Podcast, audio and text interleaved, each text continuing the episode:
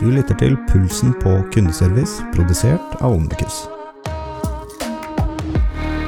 Hei, mitt navn er Eivind Jonassen, og i denne podkasten vil vi ta temperaturen på kundeservicebransjen og intervjue personer som har meninger om både hvordan kundeservice bør drives, og ikke minst høre om deres egne erfaringer. Og med det så setter vi i gang dagens episode.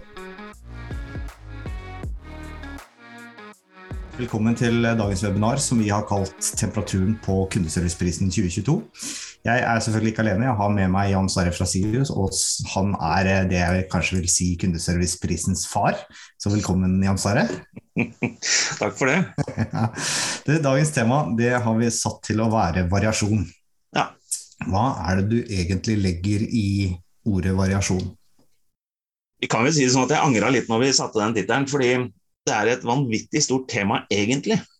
Um, og så har jeg tenkt at vi nå i dag skal prøve å, å, å splitte det opp i noen deler. Da. Fordi det er ikke liksom én variasjon, det er masse variasjon som gir et resultat til slutt.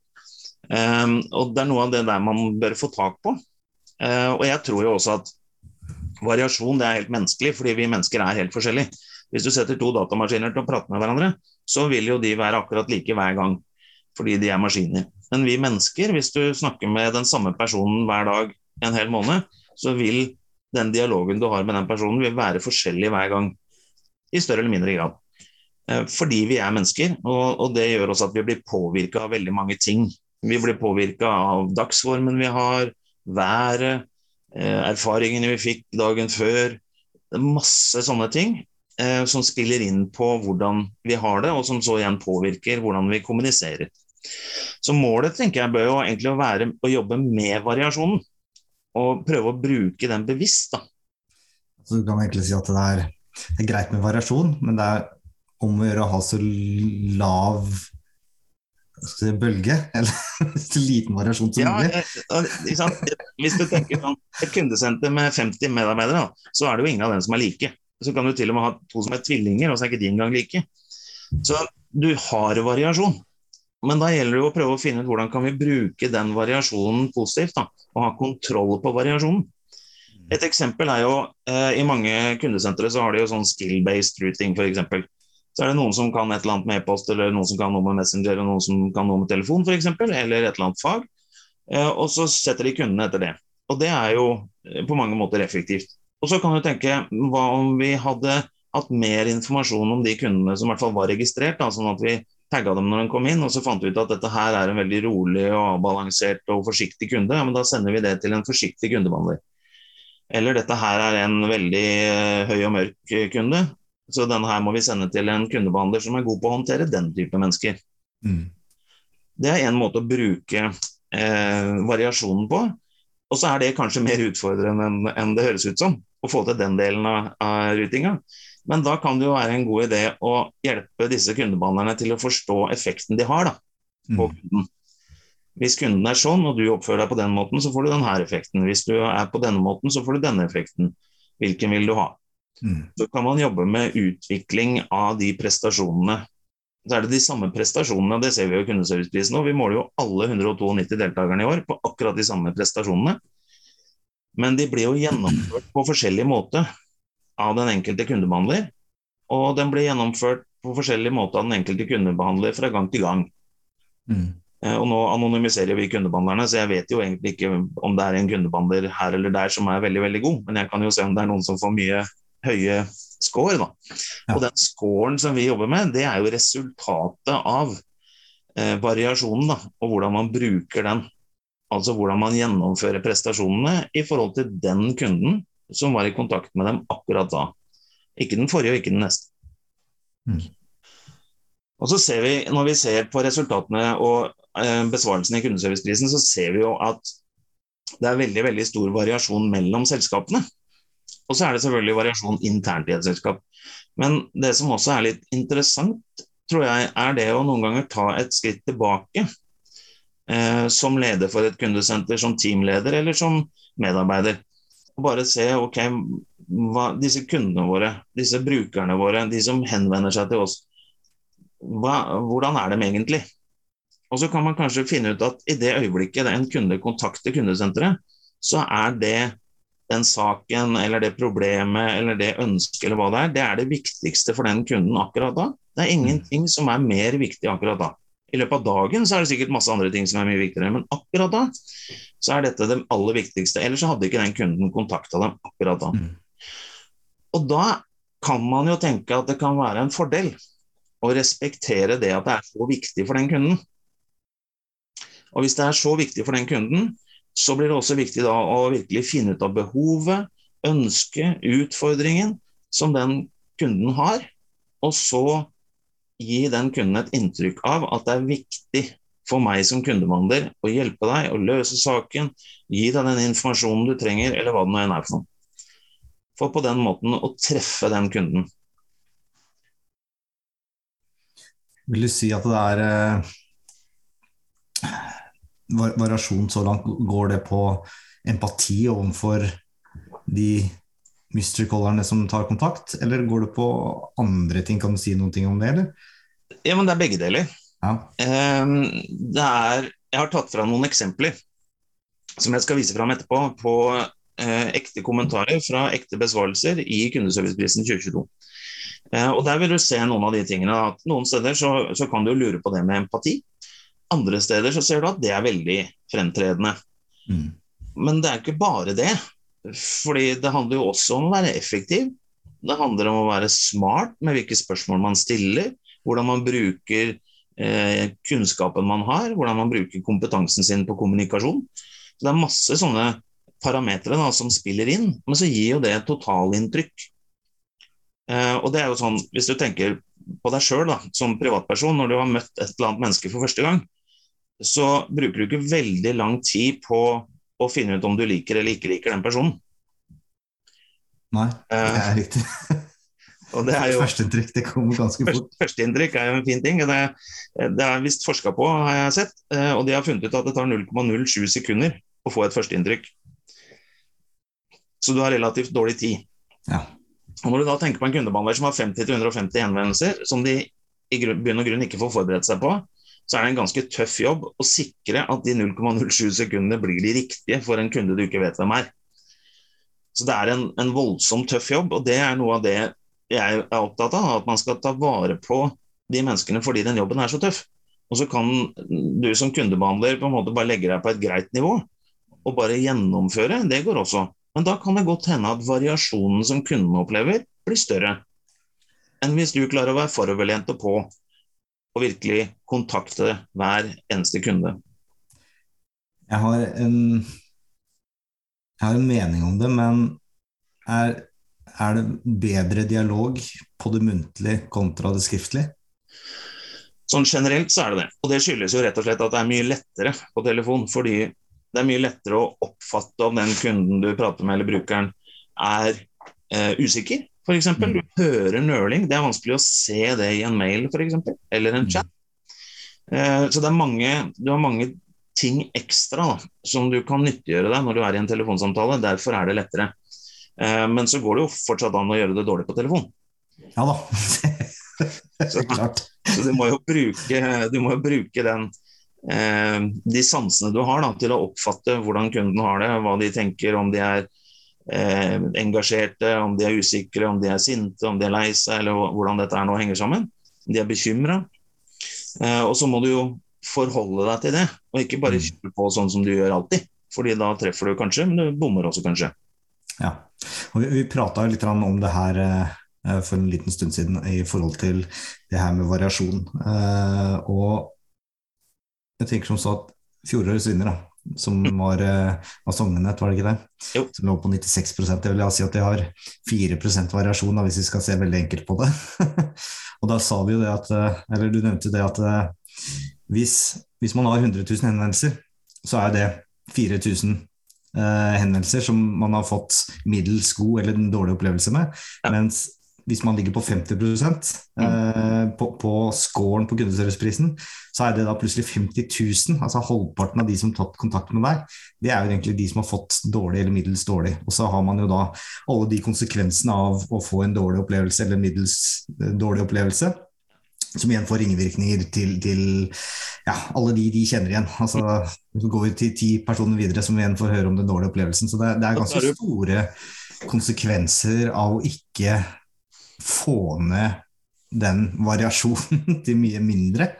Uh, og Det der er jo et godt eksempel på hvorfor det er viktig å jobbe strukturert og godt og grundig med et kundesenter. fordi det er jo I mange bedrifter så er det kanskje det eneste kontaktpunktet som kundene har. Mm. Uh, og Det betyr at det inntrykket du får av den kundebehandleren, det er det inntrykket du har av det selskapet. Korrekt.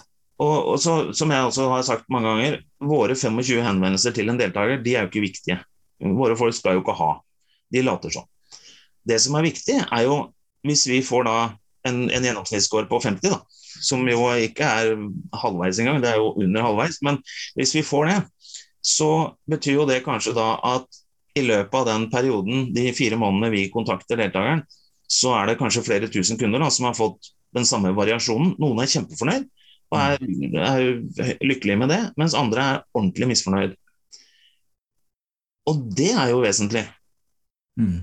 Våre 25, det er sånn ja, Det var jo trist for oss, men vi skulle jo ikke ha noe allikevel. Men, men da alle de andre kundene, da, hvordan har de opplevd det? Og de mm. sier jo ikke nødvendigvis ifra til selskapet, sånn som vi gjør. Nei, og jeg, jeg, så en uh, analyse her fra Gartner òg, og de sier jo at uh, det å gi merverdi under dialogen du har med kundesenteret ditt, så er det jo 83% eller noe sånt som er eh, økt eh, wallet share, da, som de kaller det. Altså omsetter for mer. Ikke sant? Mm. Og 97 vil si, eh, eller prate positivt om selskapet ditt. Mm. Og det er jo, som du var inne på før vi starta, at det, det, er jo i prinsippet så enkelt. Så det handler liksom bare om å bry seg litt om kunden, så, så øker det plutselig omsetning og, og positiv omtale om merkevaren. Ja, og, og, det gjør noe med, med kundenes, brukernes Eh, forventninger neste gang de er i kontakt. Mm. Eh, og hvis den var god forrige gang, så er det jo lettere å ta kontakt nå. Så hvis du f.eks. Har, eh, har kunder som er litt sånn bekymra for å kontakte deg, hvis det er noen de sliter med et eller annet, uh, så kan det jo være en fordel at de har noen gode erfaringer fra før, for da blir terskelen mindre, det blir lettere å kontakte. Mm. Uh, og hvis det handler om kjøp og salg, som jo for mange av deltakerne er saken, så kan det også være en god idé at de forteller til naboen eller venner, kjente familie at ja, men ring dem. Fordi, og Det viser jo også undersøkelser. Vi stoler jo mer på venner og kjente enn på reklame f.eks. Korrekt. Så da kan det jo være en god idé da, at venner og kjente forteller gode ting om ditt selskap. Det er jo ganske enkelt å handle produkter på nett. Ja. Eller andre plasser. Det er, det er, jo, Produktene er ganske like sånn sett. Uh, på, mange, på, mange, måter så er det jo det. Og så handler det da om hvilken opplevelse får jeg. Og, og, så er det jo andre undersøkelser for eksempel, som handler om eh, omdømme, da, som også tar med liksom, leveringstid og produktets kvalitet, og om du hadde dekning på mobilen på hytta, og hva det enn var, om prisen var riktig og fakturaen var i orden, og alle sånne ting. Og det er også viktig. Men det er veldig lite kundebehandleren får gjort noe med. Mm. Det er jo andre avdelinger ofte som uh, holder på med det, og så hender det at fakturaen blir feil, og da ringer de til kundesenteret. Så da må, jo, må jo kundesenteret være gode på å håndtere det igjen, fordi andre har gjort en feil. Så det er jo ikke noe lett å sitte på et kundesenter. Men jeg, jeg, tror også noe av, noe av, grunnen til det da, handler jo om den variasjonen som er i kundene. Uh, og når jeg satt og tenkte på det, så slo det meg at det er uh, et par serier på norsk fjernsyn som uh, har blitt veldig populære. Den ene heter Rådebank. Og Det handler jo om en viss type mennesker i Bø som er opptatt av sine ting og sitt liv. Og de har jo noen referanser, de har noen erfaringer, de har noen forventninger, de har noen tanker rundt livet og alt mulig sånt. Så når de kontakter et kundesenter, så er det det de har med seg inn. Altså er du nødt til å finne det nivået, da, eller den måten, for å kommunisere på best mulig måte med en av de karakterene. En annen serie som også fikk mye omtale, det var Exit. Og så kan du si det er jo helt, Litt annen type mennesker. Helt annen type mennesker. Og det var derfor jeg tok den med. fordi Hvis du tenker på de to karaktertypene, så er de jo ekstremt forskjellige.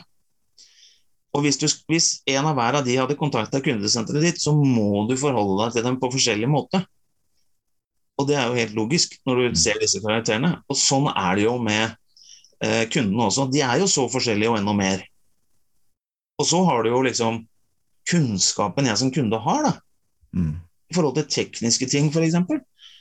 Hvilket språk skal du snakke, hvilke ord skal du bruke? Veldig mange bedrifter har jo sånne interne eh, forkortelser og TBF-er og sånn. Og, eh, og det, det, er jo sikkert bra å bruke det internt, for da skjønner alle hva du snakker om. Men hvis du snakker med en, en eldre mann for eksempel, da, om noen tekniske ting og bruker masse tekniske uttrykk, så kan det hende så er sannsynligheten i hvert fall større for at han sliter med å forstå det, enn hvis du gjør det samme med en 22-åring. Ja, og så ender det opp på at han kanskje også føler seg dum. Ja. Så det er litt det her å, å tilpasse, da. Det er jo derfor jeg mener at, det, at variasjon det er der. Det er menneskelig. Mm.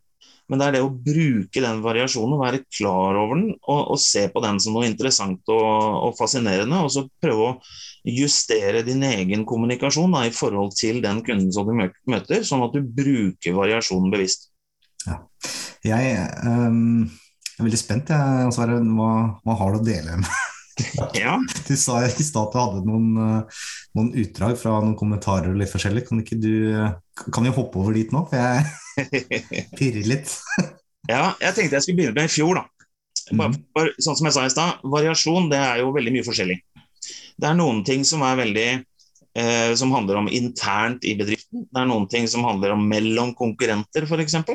Så Hvis én konkurrent er veldig dyktig og en annen er veldig dårlig, så vil jo kunden oppleve en forskjell, og så vil de kanskje velge den som er dyktig. Og Derfor så er jo det noe av det vi ser i kundeserviceprisen. Det her var Sognenett sine eh, enkelthenvendelser i fjor. Eh, og der ser du liksom Snittet er jo på rundt de der 95, da, som er jo ekstremt bra. Men du ser jo også at det er én som skiller seg ut veldig her. Det var én gang av de 25 at dette her gikk litt galt, da, for å kalle det det. At de ikke helt traff på det. Mens alle de andre til høyre. Ja. ja. Og mens alle de andre de ligger liksom innafor et nivå som er ekstremt bra. Eh, sånn over 90. Og det er jo ekstremt bra, fordi våre shoppere har jo da opplevd at alle de spørsmålene som vi stiller dem, så krysser de av for det best tenkelige alternativet på alle spørsmålene. Og så får de en så høy score. Mm. Og så er det kanskje litt ventetid av og til, da, som kanskje har trukket bitte litt ned på noen henvendelser. Og så er det den ene, da, hvor det kanskje har vært sånn at de har ikke vært så engasjert. Kanskje har de hatt en dårlig dag, den kundebehandleren. Kanskje har de vært sliten. Og så har de da, når de har vært i kontakt med vår shopper, så har de kanskje ikke klart å være engasjert. De har ikke klart å, å gi den opplevelsen at det er viktig for meg at du får en god opplevelse. Og dermed så blir den litt lavere. Og så er det en annen deltaker da, fra i fjor. Dette er helt reelle tall. De har da denne variasjonen. Og når du ser disse to grafene sammen, så kan du jo se at den ene så er det helt sånn, det er 25 forskjellige mennesker som har kontakta Sognenett. Og det er 25 forskjellige mennesker som har fått en opplevelse. Men for Sognenett så spiller det ikke så stor rolle hvem du er, fordi opplevelsen din den blir sannsynligvis noe du vurderer som bra. Mens for den andre her, så er det også 25 mennesker som har vært i kontakt. En av dem har jo da ikke fått svar, det er den nest bortest til høyre der. Ja. Men de andre har jo fått noen gode opplevelser, noen som har vært kjempegode, og noen som har vært ganske dårlige. Nå, nå er det ikke noe prosent på sida her, men uh, det ser ut som tre av de ligger faktisk under 50 i tillegg, eller? Ja, jeg har jo tatt bort prosentene der med vilje, ja. for det er ikke det som er det viktige med den der. Det viktige her er jo bare å se at det her er også et alternativ. Da. Det kunne vært sånn som Sognet, eller det kunne mm. vært sånn som den deltakeren her. Ja. Og Hvis du driver et kundesenter, så vil jeg jo anbefale deg å prøve å nærme deg Sognenett ja. sin variasjon. fordi det gjør jo at kundene får en jevnere opplevelse, helt uavhengig av hvem de er. Så vil større, en større andel av dine kunder vil være fornøyd, vil fortelle til naboen og venner og kjente og hva det måtte være, at du burde kontakte det og det selskapet. Mens den andre så vil noen gjøre det, mens noen vil si at du ikke burde gjøre det. Ja, så, så på en måte driver med litt salg her, da, så, så, så, vil jeg nesten si at uh, når uh, resultatene fra kundeserviceprisen er ferdig, så, så, er jo dette her egentlig Dette er jo tall man får fra kundeservicerapporten, ikke sant, som man kan kjøpe. Mm. Da vil jo dette Hvis man ønsker å gjøre en bedring, da, så kan jo dette være nullpunktsanalysen. Ja, det er en måte å bruke det på. Og så får man jo alle enkeltbesvarelsene, så man kan gå inn da og se okay, hva, hva, har den shopperen som har fått en dårlig opplevelse, hva har de kryssa av for, hva har de kommentert, hva var grunnen til at vi ikke leverte der? Hva er det vi skal forbedre? Og Så kan du se på de som har vært gode her, da, og se ok, hva har de kommentert der, hva har de kryssa av for, hva har vi gjort der, hva var forskjellen? Hvilken mm. atferd var det vi hadde og ikke hadde på de forskjellige? Hvordan kan vi justere dette her nå framover? Hva skal vi trene våre kundebehandlere på? får du i tillegg informasjon om de ulike kanalene som de har tatt av kontakt. Ja, så du ser også da hvor er vi gode, og hvor mm. trenger vi å forbedre oss i forhold til typen kanal som kunden har tatt kontakt. Så kanskje mm. sånn at du er veldig god på e-post, men dårlig på telefon. Ja vel, da ser du jo det. Så da må du se ok, hvordan skal vi håndtere dette. her, Hva er det vi er dårlig på i telefon? Er det et eller annet vi, som vi kan fikse lett, eller er det noe vi må sette oss ned med alle kundebehandlerne og liksom jobbe med over tid for å løfte? Men det kan godt være. Men her har du i hvert fall noe å, starte med, da. Og så kommer jo denne variasjonen som vi har vært litt inne på. I kundesenteret så kommer det jo av variasjon i kunnskap. Noen er nye, noen har vært der lenge, noen kan alt om det faget de holder på med, noen kan ikke så mye. Og så handler det om kompetanse, f.eks. på kommunikasjon. Noen er kjempegode til å kommunisere naturlig, andre er det ikke. Noen har trent mye på det, andre har ikke, osv. Så, videre. så det varierer hvor god man er på det. Hvilken erfaring man har. Jeg, lærte av en fyr for lenge siden at det er mange måter å telle på, og en av dem er jo én, to, mange, alle. Og Hvis du teller én, to, mange, alle, og så har du hatt først én sur kunde, og så har du hatt én sur kunde til, og så har du omvendt én sur kunde til, alle kunder er sure i dag. Og da endrer du jo hvordan du håndterer neste samtale. Du starter jo på et sted hvor du regner med at nå kommer det en sur. Mm. Og hvis den er veldig blid, så har du jo starta på feil sted. Og da blir dette her plutselig vanskelig å, å håndtere igjen.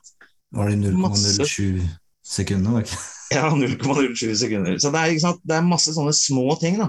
Og Hvilken innsikt du som kundebehandler og dere i kundesenteret har om kommunikasjon, om kunder, om personas rundt kunder, eh, om teknikk, om faget deres. Det er masse sånne ting. Og hvordan dere skal bruke det, hva som er viktig. Er all informasjon viktig, eller er det bare viktig at jeg får akkurat den informasjonen jeg trenger? Mm. Og så er det hvilken personlighet, da, som vi var litt inne på før vi starta. Eh, F.eks. introvert-ekstrovert. Som jeg sa, jeg ville jo heller hatt introverte som jeg kunne jobbe med for at de skal bli enda bedre til å være utadvendte. Fordi de er kanskje mer opptatt av kunden enn en ekstrovert person. Kanskje. Sånn i utgangspunktet og generelt sagt. Eh, og så er det masse andre personligheter oppi dette her. Så, og så må man jo vite hvordan man selv er, sånn at man kan tilpasse seg en annen type. Og så er det hvilke målsetninger man har, da. Hvis, hvis man bare måler på ventetid og samtalelengde, ja, men så er det klart, da får man jo det. Hvis man måler på kvaliteten i samtalen, eller i e-posten, eller i chatten, eller hvordan det er, så vil man jo få mer fokus på det. Så målsetningene spiller jo også inn her. Og hvordan jeg som kundebehandler opplever det. Hvis vi bare måler samtalelengde, og jeg syns at kvalitet er mye viktigere, så kommer jeg alltid til å ha for lange samtaler.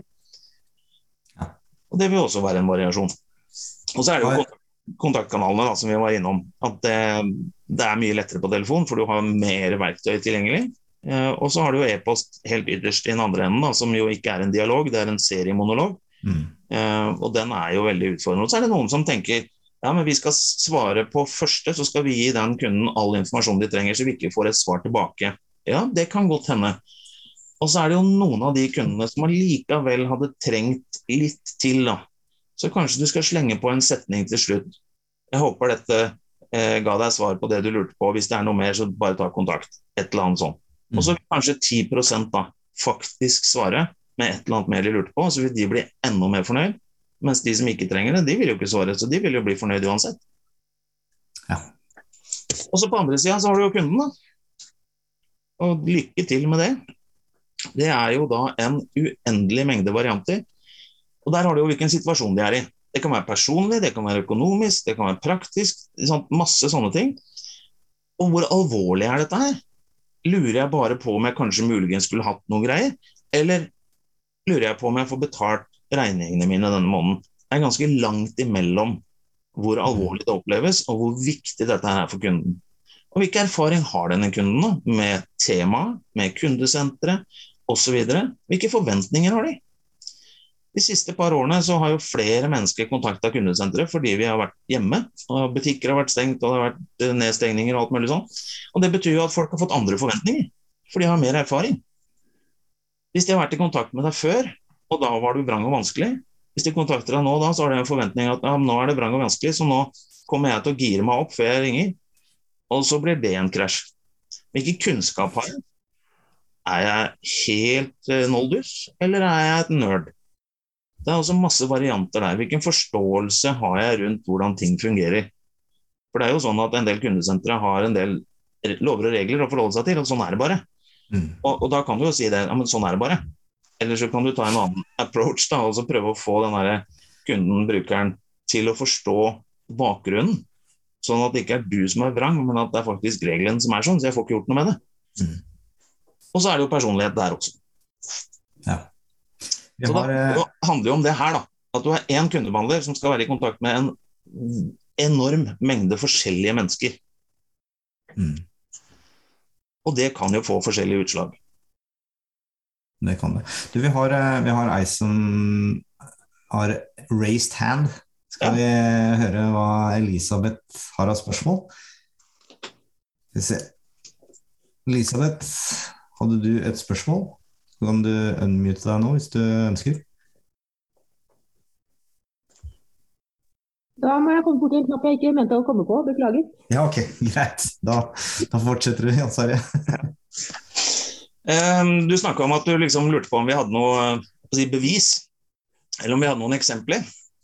Jeg har vært eh, inne i rapportene fra i år, og så har jeg sett på noen av kommentarene, og så har jeg plukka ut noen. Så jeg tenkte vi skulle starte med chat. Da. Og det her er jo da ekte kunder som er i kontakt med ek ekte kundebehandlere om et ekte case. Og Den ene skriver da jeg tror jeg var innom en chatbot først, måtte krysse av en rubrikk før jeg kom videre. Det var ingen velkomst, annet enn at jeg kunne skrive inn. Skrev inn og spurte vedrørende et produkt, fikk kun svar 'kjør på'. Kreativt. Veldig enkelt og kort svar. Det var rask kontakt med kundebehandler, men ikke noe hei eller velkommen, så jeg var litt usikker på om jeg snakka med en chatbot eller en person. Og det er jo et, en kundeopplevelse, da. Og det er klart, Hvis det der var en ekte kunde, da, og ikke bare en av våre shoppere, så er det ikke sikkert at den kunden hadde fortalt det til dette selskapet, men det er en viss mulighet for at den hadde fortalt det til venner og kjente. Jeg, jeg, tenker, jeg får assosiasjoner at dette må være en bilbutikk. Kjør på! Det var det ikke. Og så har vi en annen da, som er litt i andre enden. Kundebehandler stilte spørsmål med en gang om bruken av produktet jeg lurte på. Henviste meg til to forskjellige produkter som var aktuelle, stilte spørsmål rundt- hva jeg kunne ha behov for, og fikk avklart det. Opplevde kundemannen som engasjert og på. Rask med å svare og virka blid. La inn smiley på nesten alle svar. Det er det jo noen som også syns er fint. Virket som hen hadde god kunnskap om produktene, interessert i det jeg skrev, og forsøkte å løse mitt problem. Fikk følelsen av at denne personen var blid og fornøyd, og veldig fornøyd i den jobben hen hadde. Ja. Det er en veldig god kundeopplevelse igjen.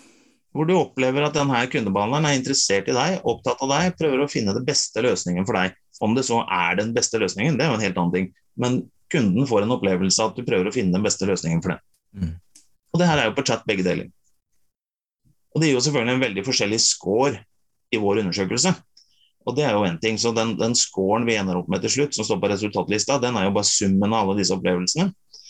Men hvis du da hadde sett på den rapporten for Hvis det her hadde vært samme selskap, da, og sett på den rapporten, så ville du sett to veldig forskjellige besvarelser. Og så kunne du gå inn og sett ok, hva er det vi burde endre på her, hvordan skal vi forholde oss til kundene framover. Og hva skal vi ta vare på, for det er jo også noen bra ting å ta vare på.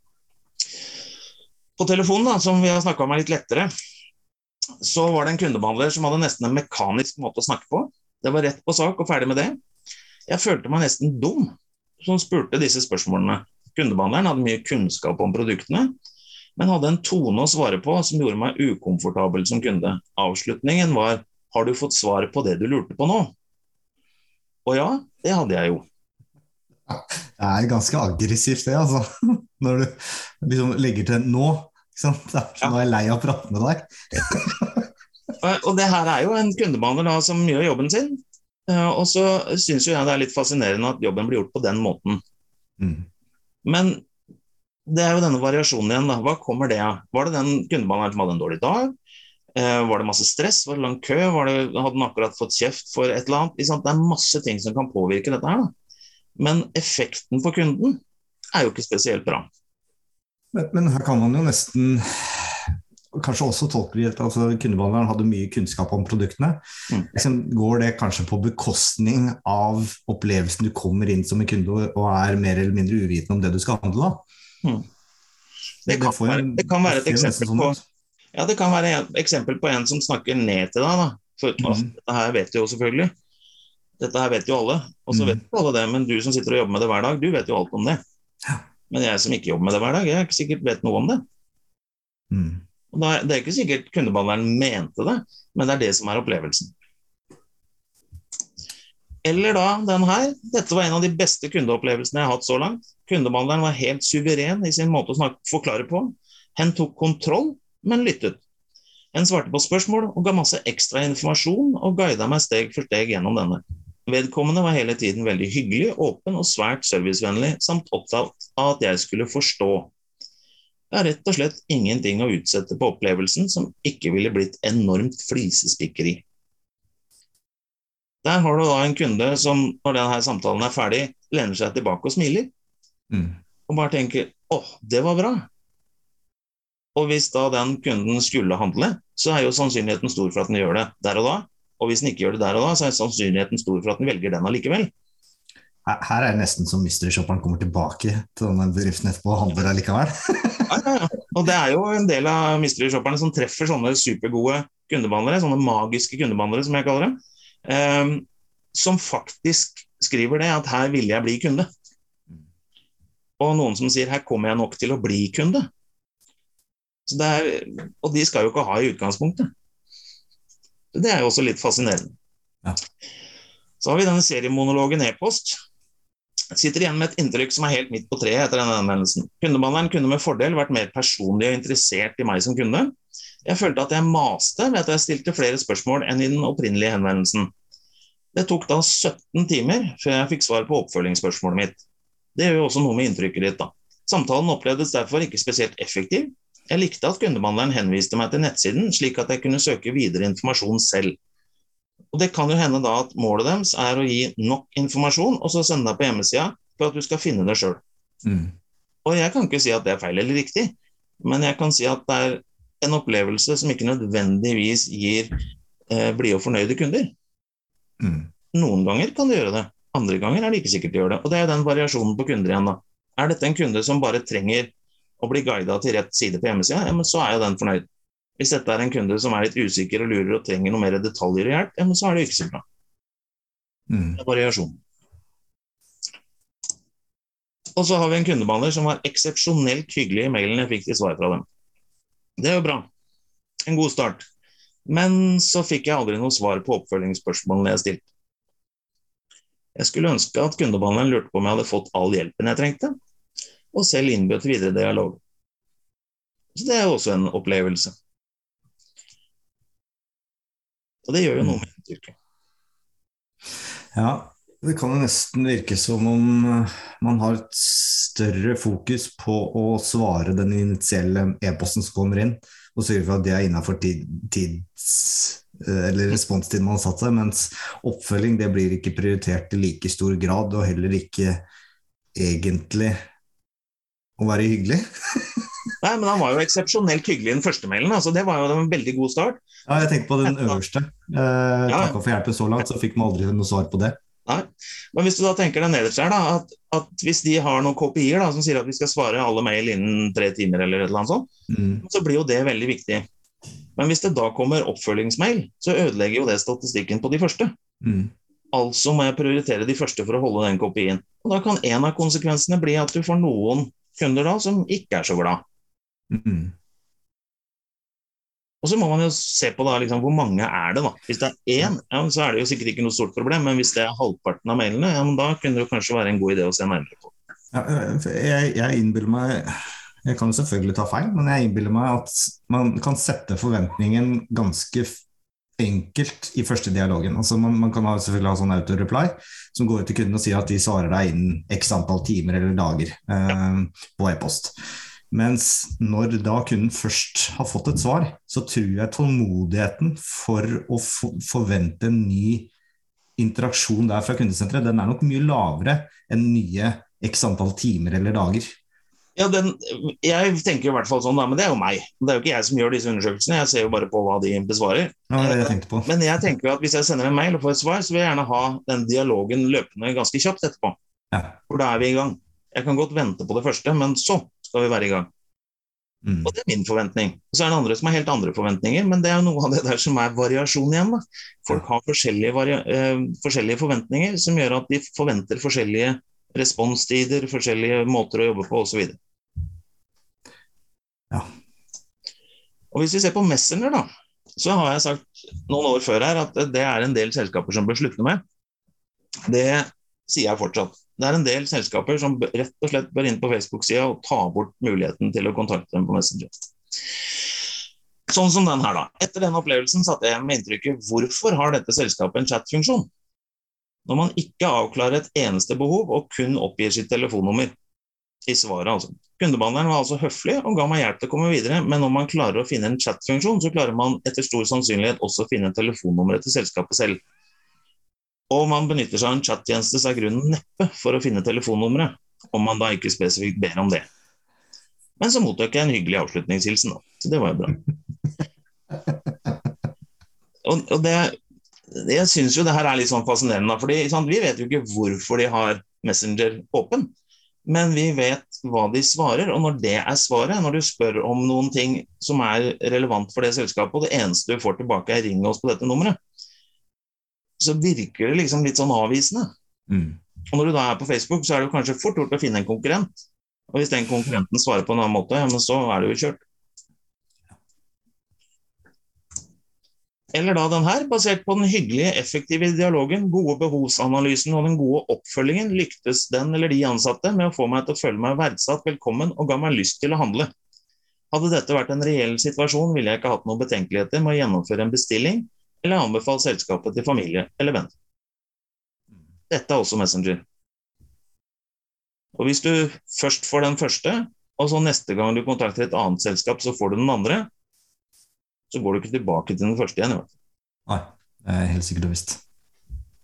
Og jeg synes jo det er litt sånn interessant at det kan se ut som man har så lite kontroll på hvilket etterlatt inntrykk man gir i forskjellige kanal kanaler. For som vi var inne på i sted, det er en del kunder som kanskje bare er i kontakt med et selskap via Messenger, eller via telefon eller e-post eller et eller annet, og da er det det inntrykket de har. Mm. Og Derfor så er det jo viktig å ha kontroll på variasjonen. Det er også viktig å ha kontroll på hva gjør vi og hva gjør vi ikke. Hvordan skal vi gjøre det, hva er konsekvensen av det vi gjør eller ikke gjør overfor kundene. Hvilke inntrykk sitter de igjen med? Og er det ok for oss? For det kan jo hende at det selskapet øverst der syns at det er helt greit. Og det har de jo lov til å synes. Har du noen erfaring med Du har, du har jo vært i dialog med noen selskaper. Eh, har du noen erfaring med, med de som har operert på den øverste måten? med liksom bare, er vi oppgir, Det er bare egentlig kontaktinfo på, på, på Facebook, liksom. Og så har de en, en utøvd strategi på det. Eller strategi, det blir helt Jeg, feil. jeg, har, jeg, har ikke, jeg har ikke vært i kontakt med virksomheter som jeg vet har den måten å operere på på Messenger. Nei. si.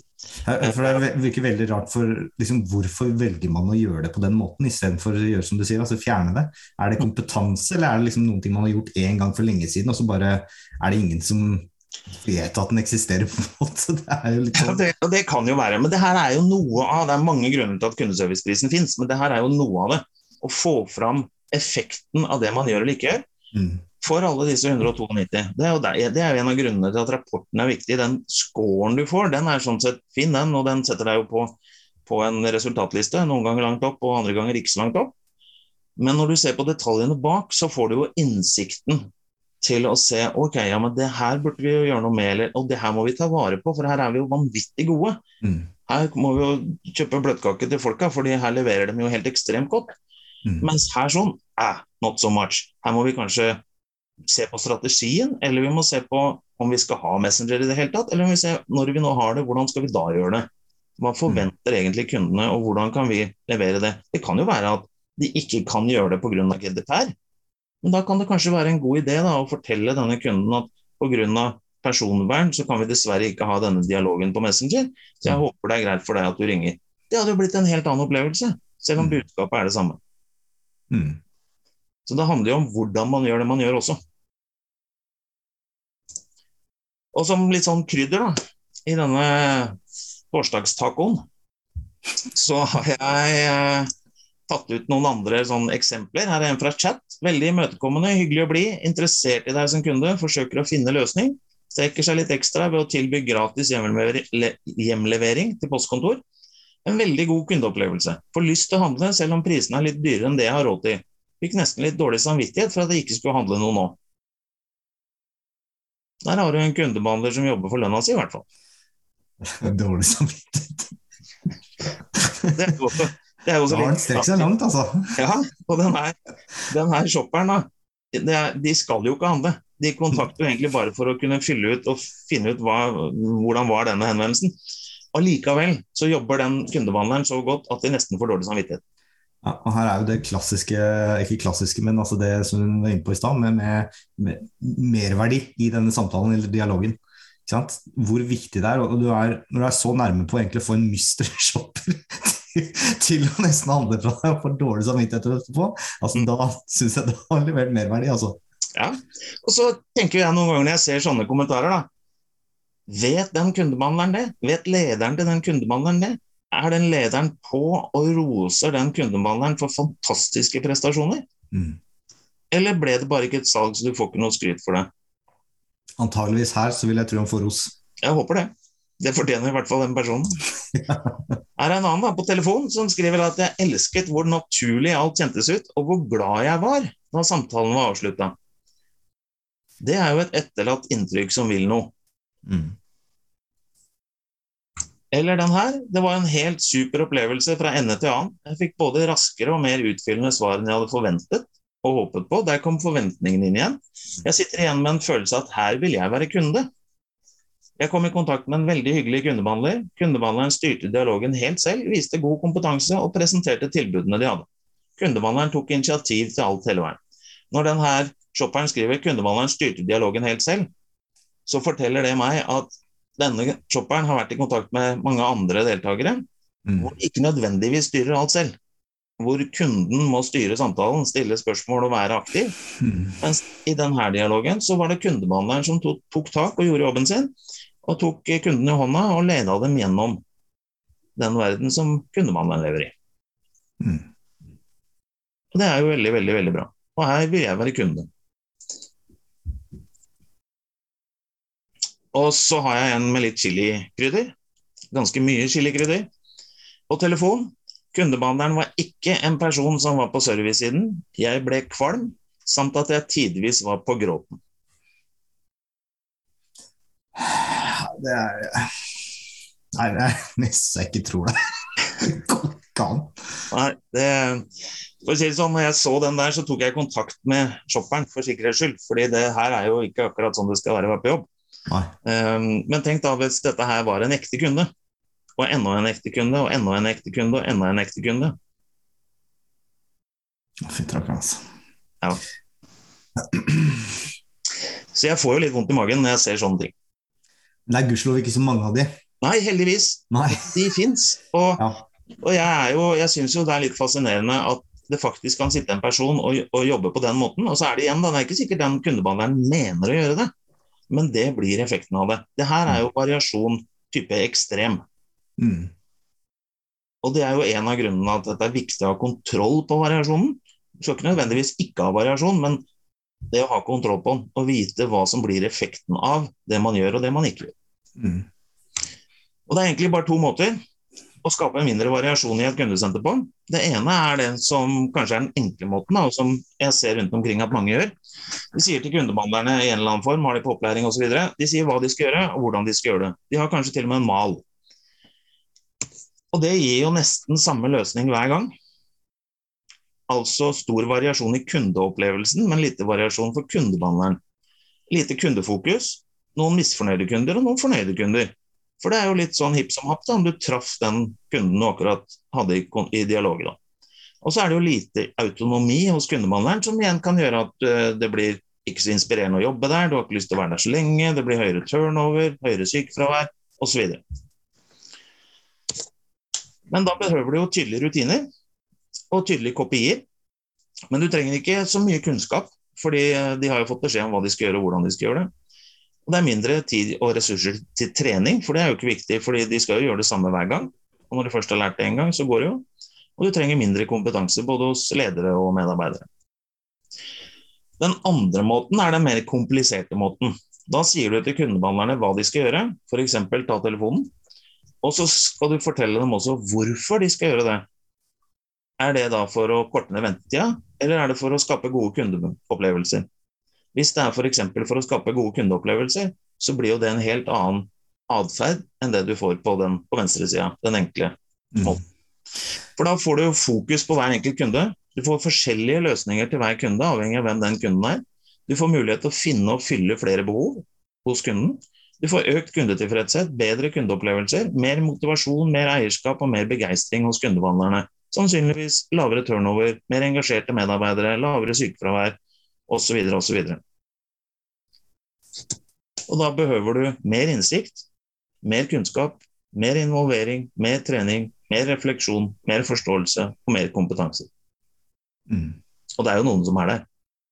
Ja. Men, men det vil jo Jeg, jeg syns jo det er greit at det er den kompliserte metoden, men det å samle seg rundt hvorfor Mm. gjør vi det vi gjør, Mm. da er egentlig alt det du gjør i løpet av en dag, skal jo liksom gå opp til hvorfor. Mm. Det, det er jo enklere å forholde seg til, sånn sett. Liksom, fordi det er liksom, ok, det jeg gjorde nå, er det knytta opp mot vårt hvorfor, Mm. kontra rutiner, kopier, hvor jeg må liksom Jeg får plutselig masse mer å tenke på. Mm. Så, så det er liksom du kaller, komplisert. Ja, du kaller det det egentlig, men det er mye mer komplisert. Ja, men resultatet av det blir mye bedre, fordi du får plutselig kundebehandlere som er i stand til å håndtere mange flere saker, fordi de har en mye bredere forståelse av jobben de gjør, og effekten av den, og hvordan vi jobber og hvorfor det, og alt mulig sånn. Og på den måten da, så blir også variasjonen mindre. Mm. Og Noen ganger da, så får de en kunde som bare trenger et kjapt svar, ja, men da er jeg ferdig med den. Andre ganger så får de lov til, fordi vi jobber med hvorfor, til å bruke 20 minutter da, på en kunde, fordi denne kunden virkelig trenger detaljene om igjen og om igjen, og forklaringer og trygghet og alt mulig sånn. Og jeg har faktisk en, et eksempel fra en henvendelse i kundeserviceprisen i år, hvor samtalen varte i 30 minutter. Det, var det effektivt? Nei, selvfølgelig var det ikke det. Men var det en god samtale? Ja, det var det. Veldig god. Ja. Og det får du ikke lov til hvis målet er at du skal ha korte samtaler. Nei, det er riktig, det. Men igjen, det handler om strategi, det handler om hva du ønsker at kundene skal sitte igjen med. Og Det er jo derfor dette her med variasjon er viktig, for å ha kontroll på det, forstå hva det faktisk innebærer da, for kundene. Og at du aldri kommer unna variasjon, og kundene er forskjellige. Og da er du nødt til, hvis du skal levere på et jevnt nivå, å tilpasse deg kunden hver gang. Fin avslutning, det, Sverre. Har du noe mer du vil dele i dag? Nei, jeg syns, eh, jeg syns vi har vært innom eh, mye. Eh, som jeg sa i starten, jeg angra litt på at vi, at vi snakka om variasjon, da, fordi det er jo et, et kjempestort tema. Mm. Jeg håper i hvert fall at folk nå forstår litt sånn at variasjon kan være mange ting. Det er, det er ikke bare resultatene i kundeserviceprisen, det er ikke bare sånn eller sånn. Det er mange forskjellige parametere her, og variasjon vil du alltid ha. Og hvis Mm. du er bevisst på den og jobber med den, så kan du sørge for å bruke den som en styrke. Bra. Da tror jeg vi sier takk for i dag. Ja.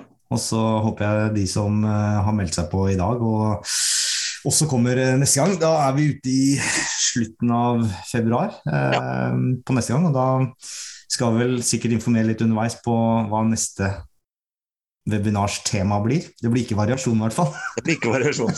Så da finner vi noe annet.